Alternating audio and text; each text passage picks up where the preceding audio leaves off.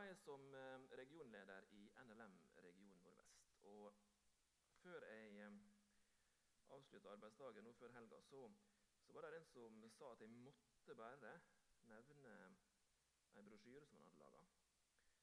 Eh, og det må vi prøve å gjøre. Eh, jeg så at noen av barna allerede hadde tatt seg en sånn brosjyre. Så eh, det er bra. Men dere voksne må også ta. Ta med til barnebarn eller barn, eller barna eller barnebarna til noen dere kjenner. Sommerleira veldig, veldig bra. Skal ikke nevne noe spesielt, annet enn kanskje 62 grader nord eh, fra 8. til 10. klasse på Vestheim. Den er veldig populær, så den, eh, den må vi fylle opp i år igjen. Ta med en sånn en eller to eller tre. Ligger borte ved infobordet. Og så klarer jeg jo ikke å stå her denne helga uten å si noe. Vi skal ha regionmøte på Vestnes neste helg, 26.-27. mai. Eh, og da må du ta deg en tur. Det er ikke møte i Misjonssalen den søndagen, så om ikke annet iallfall søndag formiddag. Eh, det tar ikke mer enn 40 minutter ekstra å kjøre til, fleste, til, Vestnes for de fleste av oss, så det går helt fint. Eh, og Der er det søndagsskole for barna, og alt sånn, så der ligger det godt til rette for å ha et fint søndagsmøte. Men det er også møte på lørdag årsmøte klokka 11, nei, unnskyld, 12.45. Eh, og Hvis dere er med i et fellesskap, et smågruppe, et eller annet, så kan dere melde dere som utsendinger. Da kan dere til og med være med å stemme Sverrir eller gjøre Asle inn i regionstyret. Eh, det må da være en fin oppgave å ta med seg. Så det er kveldsmøte lørdag eh, klokka sju også. Taleren er Andreas Nordli. Eh, han er opprinnelig fra Sunndalsøra. Eh, og bor nå i Hamar. Arbeider som leder for uh, Ungdom i Oppdrag Norge. Veldig flott forkynner. Anbefaler å ta en tur og høre på han. Og så Sager Henning forrige søndag da, dette med barnas. Uh, flott opplegg på lørdagen. Første til fjerde klasse til Barnas lekeland i Molde. Femte til åttende klasse til Moldebadet. Dette blir helt topp. Ta dere en tur til Vestneshallen neste helg. Det var all reklame vi skulle ta i dag. Teksten i dag den er henta fra Johannes 14, vers 15 21.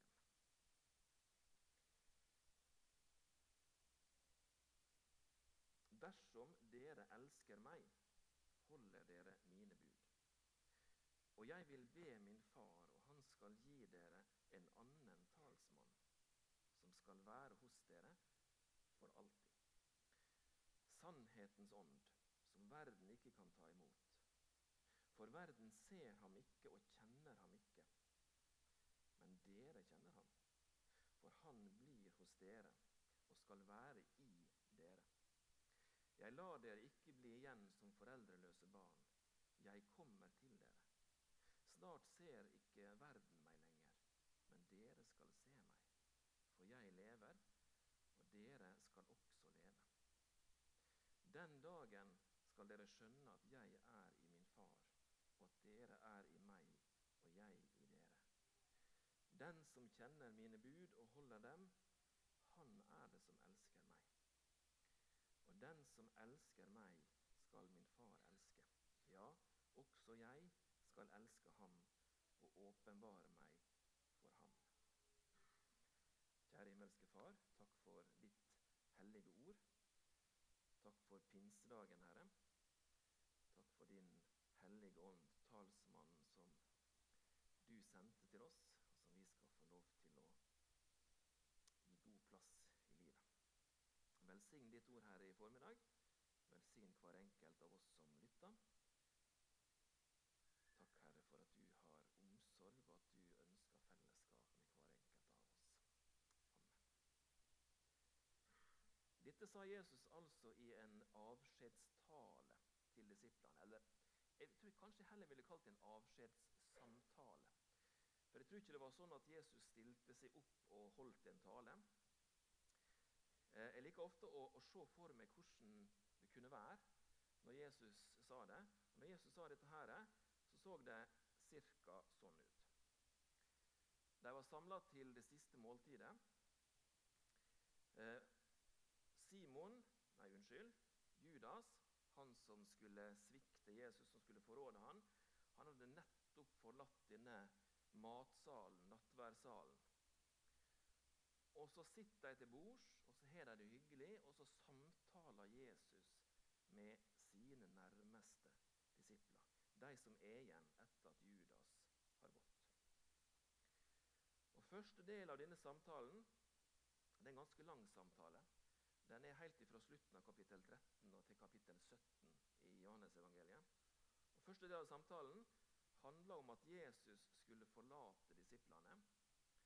men at de seinere skal se han igjen, og at de seinere også skal være sammen med han.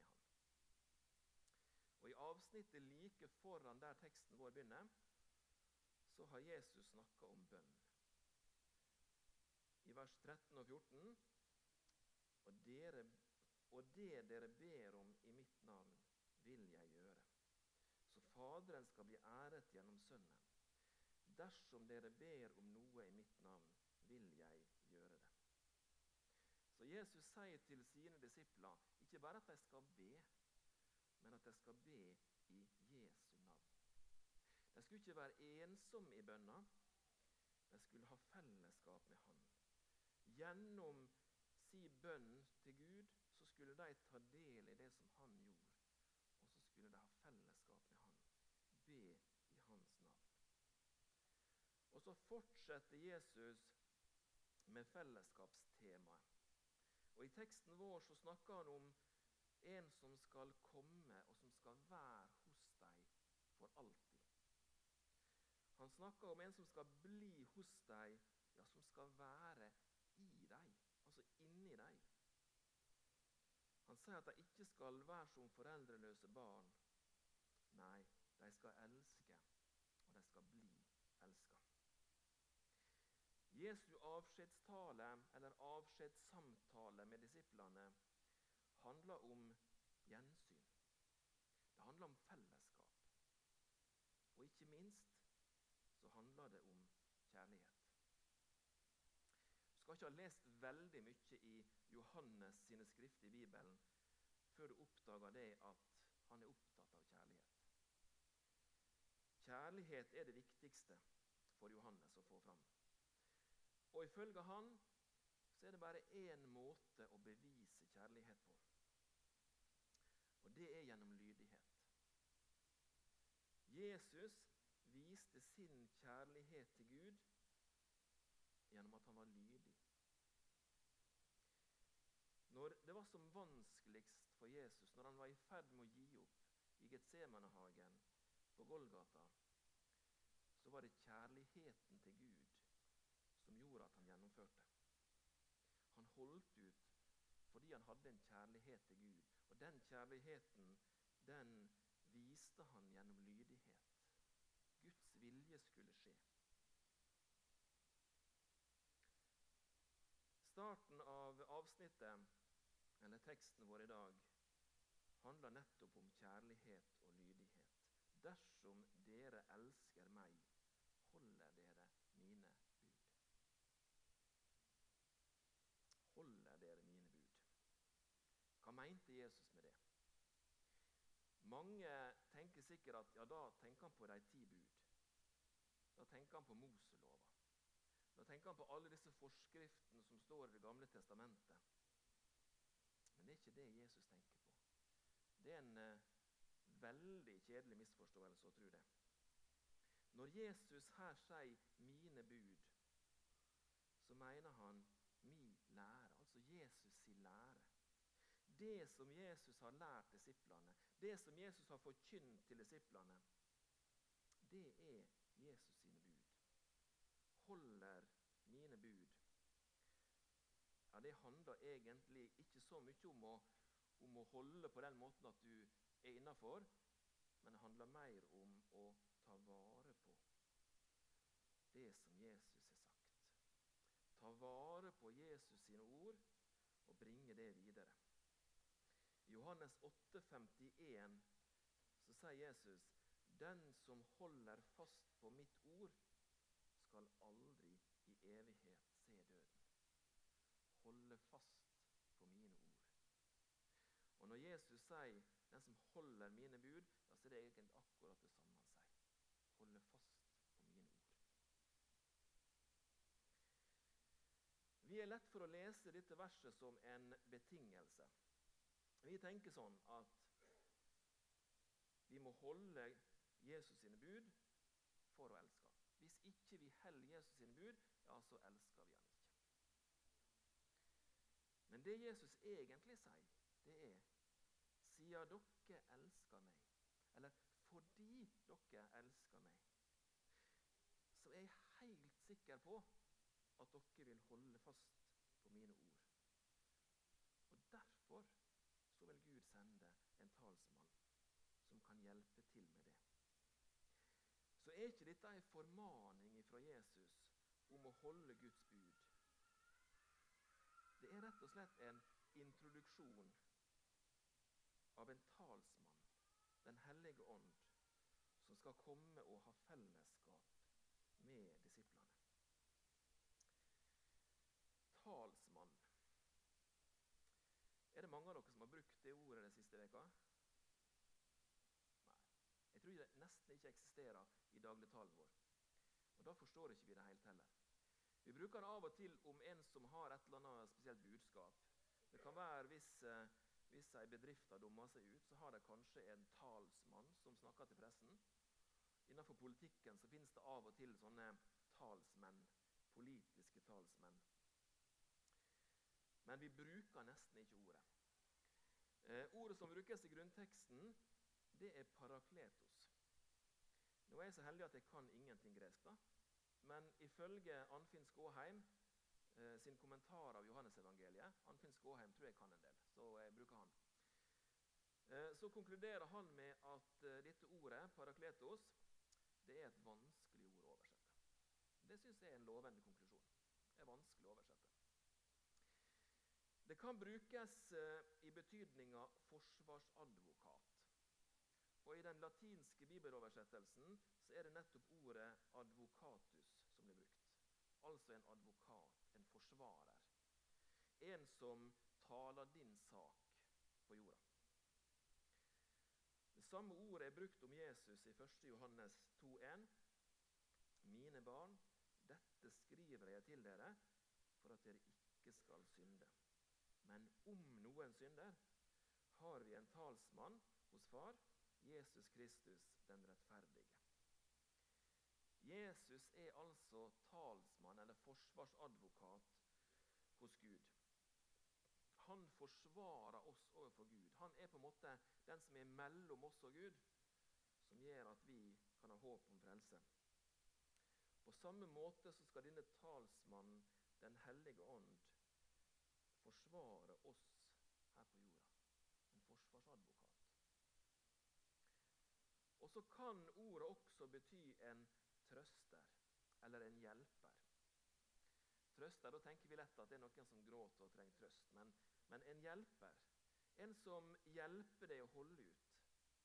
En som rett og slett hjelper deg til å mestre livet. Kristenlivet kunne bli ganske vanskelig for mange av de disiplene som satt og snakka med Jesus denne kvelden. Den hellige ånd skulle hjelpe dem til å holde ut. Den hellige ånd tar bort utilstrekkelighet, gir oss mulighet til å mestre kristenlivet.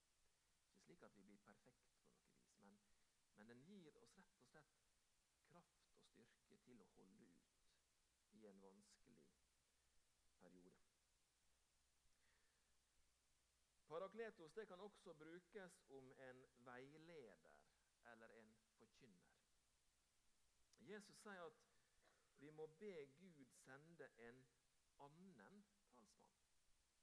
Med andre ord så er ikke den første talsmannen. Jesus var den første. Det skal altså komme en annen talsmann når Jesus blir borte. Jesus må også ha vært parakletos for disiplene en hjelper, en forsvarer, en veileder. Talsmannen, Den hellige ånd, skal altså ikke bare forsvare, men også tale inn i hjertet mitt. Vise meg hva som er rett og galt. Peke på synda i livet mitt, slik at jeg ser at jeg trenger Jesus.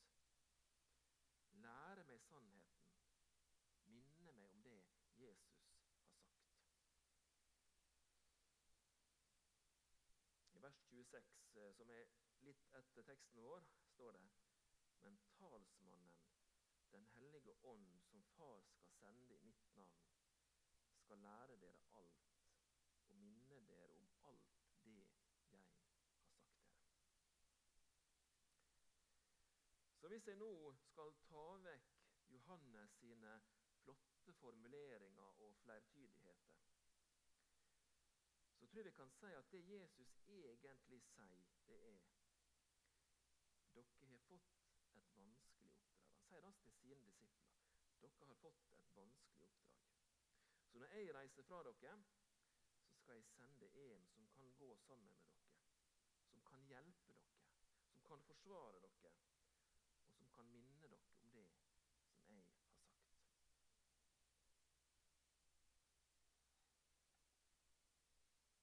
Verden ser ham ikke og kjenner ham ikke. Verden er altså her brukt om alle som ikke tror på Jesus. Alle som ikke har tatt imot ham. Og Hvorfor ser ikke de Den hellige ånd når andre, altså vi kristne, kan se ham? Jo, det er fordi han bare viser seg for de som tror. Når Jesus kom til jorda, så var det for å vise seg fram. Han kom for å åpenbare Gud på jorda. For å vise mennesker hvordan Gud er. Etter oppstandelsen på påskedag så viste han seg bare for sine venner, bare for disiplene sine, bare for de nærmeste. Og I verset som kommer like etter teksten vår i dag, i vers 22, så spør Judas og Da er det ikke Judas han som svikter, men en annen Judas. Han spør om hvorfor han bare skal åpenbare seg for disiplene og ikke for verden. Altså hvorfor Jesus bare skulle åpenbare seg for disiplene. Og Svaret til Jesus det er så kryptisk at det egentlig ikke er noe svar. Men det han sier, han sier det samme som han har sagt tidligere, om tru, om lydighet. Det er de som har et personlig forhold til Jesus han viser seg for. De som ikke elsker Jesus, kan heller ikke se ham. Fordi de ikke veit hva de skal se etter. Jeg er ikke sånn superflink med blomster og planter og sånn. Så hvis jeg går gjennom en, en, fin park eller en hage, så kan jeg jo se at Oi, der var det litt fine blomster, ja. Men det er omtrent alt jeg ser. En som kan mye om blomster, vil kunne se utrolig mye mer. Vil se hva type blomster det er, vil se hvor langt de har kommet i utviklinga. Vil se hva som er fine kombinasjoner. Kanskje til og med se hva jords, jordsmonn som kan være der, siden plantene kan utvikle seg sånn som de gjør. Om de får godt stell. Sånne ting ser jeg ingenting av. Den som ikke kjenner til det en ser, ser ikke. Verden ser han ikke. En som kan mye om kunst, vil kunne se mye mer i et kunstverk enn en som ikke kan noe om det, og som egentlig ikke er så veldig interessert. De fleste vil nok sikkert kjenne igjen en Picasso når de ser det. Men hvis du ikke veit noe som helst om, Picasso, hvis du ikke veit noe som helst om bombinga av Guernica, så vil du sannsynligvis få begrensa utbytte av det bildet. Hvis du ikke veit noe om Picasso sin symbolikk, så veit du rett og slett ikke hva du skal se etter. Du klarer ikke å forstå. Mennesker som ikke kjenner Jesus, ser ikke fordi De veit ikke hva de skal se etter. De trenger hjelp til å se, hjelp til å forstå. Den hellige ånd kan bare oppleves av de som tror. De som kjenner Jesus, kjenner Den hellige ånd. Og Så snakker Jesus om foreldreløse barn. 'Jeg lar dere ikke bli igjen som foreldreløse barn', sier han. De skulle få oppleve et fellesskap. Også etter at Jesus hadde reist. Og Dette er litt spennende, for Jesus han begrunner hvorfor de fortsatt skal se ham. Hvorfor de fortsatt skal ha fellesskap med ham etter at han har reist til himmelen. Og Den første grunnen til det er jo, det er fordi de lever. Og Da snakker vi ikke om livet på jorda, da snakker vi om livet med Gud. De lever. Og Andre grunnen til at de skal se hverandre igjen, det er at Jesus. Altså, de lever, og han lever. Og så lenge både du og Jesus lever, ja, så vil Jesus ha samfunn med deg. Han ønska ikke å forlate sine, og nettopp derfor sendte han Den hellige ånd. For å fortsatt ha samfunn med deg.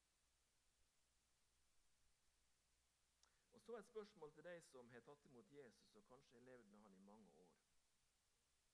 Jeg slippe å svare høyt, men tenk gjennom svaret ditt. Hvordan virker Den hellige ånd i ditt liv? Er det en levende kraft? Er det en person, som Jesus beskriver han som, som du kan regne med i hverdagen, og som du ikke kunne klart deg uten? For det er nemlig slik Jesus beskriver Den hellige ånd. Det er noe du absolutt ikke kan klare deg uten. Vi får Den hellige ånd i dåpen. Lille Simon har i dag fått Den hellige ånd. Det betyr ikke at foreldra vil oppleve at han forandrer seg helt. Jeg er rimelig sikker på at han ikke blir så veldig mye mer inderlig i bønnelivet sitt i morgen enn han var i går. Men med hjelp fra foreldra, med hjelp fra fadderne, med hjelp fra forsamlinga her i misjonssalen, som i dag er lova å be for ham, som har lova å lære han opp i den kristne trua. Ja, med hjelp fra dem så kan Den hellige ånd stadig få større plass i Simon sitt liv. Når Jesus blir viktig, ja, da blir Den hellige ånd også viktig i livet. Verden ser ikke Den hellige ånd, men du kan se han. Du kjenner han og kan velge å tilbringe mer tid sammen med ham. Gjennom forventning om å få noe, og gjennom bønn, så kan Den hellige ånd få mer og mer innvirkning på livet ditt. Og Det vil gi deg et bedre liv. Og Det vil gi de rundt deg et bedre liv. Og det vil gi de rundt deg en mulighet til å møte Jesus gjennom ditt liv og dine ord. Den hellige ånd presser ikke seg på. Han venter til han blir invitert til å være sammen med deg. Og Så avsluttes denne teksten også med kjærlighet og lydighet. Vers 21. Den som kjenner mine bud og holder dem, han er det som elsker meg. Og den som elsker meg, skal min far elske. Ja, også jeg skal elske ham og åpenbare meg for ham. Og Hvis dere klarer å huske 20 minutter bak i tid, så vet dere at det her ikke er snakk om å holde de ti bud. Det er ikke en formaning om det. Det er en invitasjon til fellesskap med Gud Fader, fellesskap med Jesus, fellesskap med Den hellige ånd. Og Den som kjenner Jesu ord og vil ta vare på orda, han er det som elsker Jesus. Og Den kjærligheten gir et ønske og et behov om å komme nærmere Jesus. Gjennom tid med Guds ord og gjennom bønn